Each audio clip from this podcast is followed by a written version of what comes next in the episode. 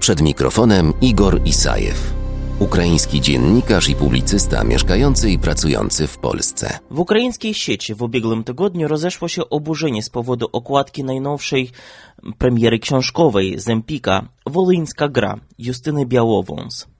Na okładce, na karcie damy kier, widzimy na górze dziewczynę w wiejskiej koszuli z sierpem i w warkoczu, na dole kobietę korpo w okularach, całą we krwi.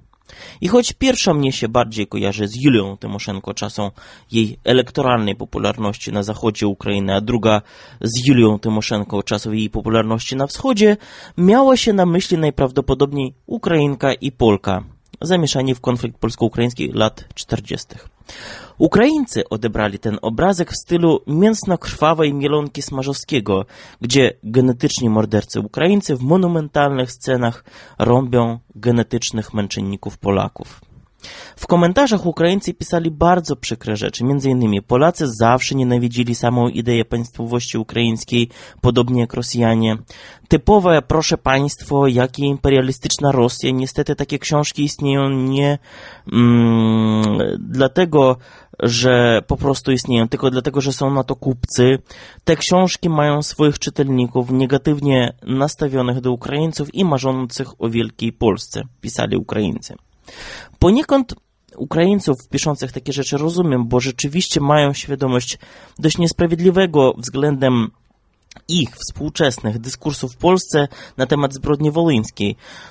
Do tego okładki wielu trywialnych tygodników i książek o Wolyniu, sadomazochistyczne plakaty na temat zbrodni wolyńskiej, czy nawet rekonstrukcja rzezi wolyńskiej w Radymnie, to nie pozostało bez śladu. Justyna Białowąs jednak nie zasłużyła na takie rzeczy. Tę książkę dedykuje swojej rodzinie, którą zamordowali Ukraińcy i Ukraińcom, których zamordowała jej rodzina. Tak jest napisane na pierwszych stronach. Na tym historia w tej książce, jako przeszłość sama w sobie, się kończy. Na zapowiedziach mm, Justyna Białowąs w mediach społecznościowych e, pisze, że w książce próbuje się przedstawić polskie obsesje na temat Ukraińców. Autorka słyszy nawet od redaktorki, że przesadziła. Wrzuciła na Instagrama nawet realne zdjęcia z realnych polskich internetów z realną nienawiścią do Ukraińców i powiedziała, że przesady jednak nie ma. Główna bohaterka książki Justyny Białowąs, Jagoda, to jest właśnie ta korpo dziewczyna w okularach z okładki, żyje w całkiem współczesnym czasie. Ukrainka na górze w ogóle nie istnieje z sierpem i warkoczu. To jest własny lęk Jagody, który ona w ciągu całej książki próbuje rozminować. W książce są ukraińscy narratorzy, też współcześni, którzy wprost mówią Polakom, odczepcie się od nas z tą historią.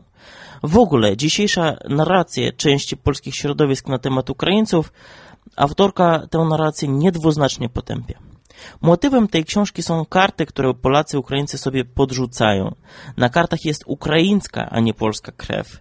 Bohaterzy we współczesności przerabiają doświadczenia z przeszłości dość niebanalnie jak na obecny stan polsko-ukraińskiej oficjalnej, dziaderskiej debaty na tematy historyczne. Zadzwoniłem do autorki, bo zainspirowało mnie tym, że potrafi o takim doświadczeniu opowiadać w zaiste instagramowym stylu. Okazało się, że rozminowanie irracjonalnych strachów czy lęków względem Ukraińców to też jej własne doświadczenie. Obejrzyjcie jej filmiki na YouTubie i zrozumiecie o co chodzi.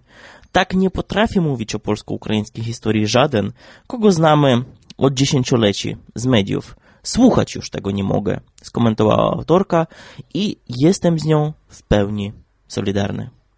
Pomyślcie o tym i miłego tygodnia życzę. Wspieraj niezależne Halo Radio, które mówi wszystko. www.halo.radio ukośnik SOS. Dziękujemy.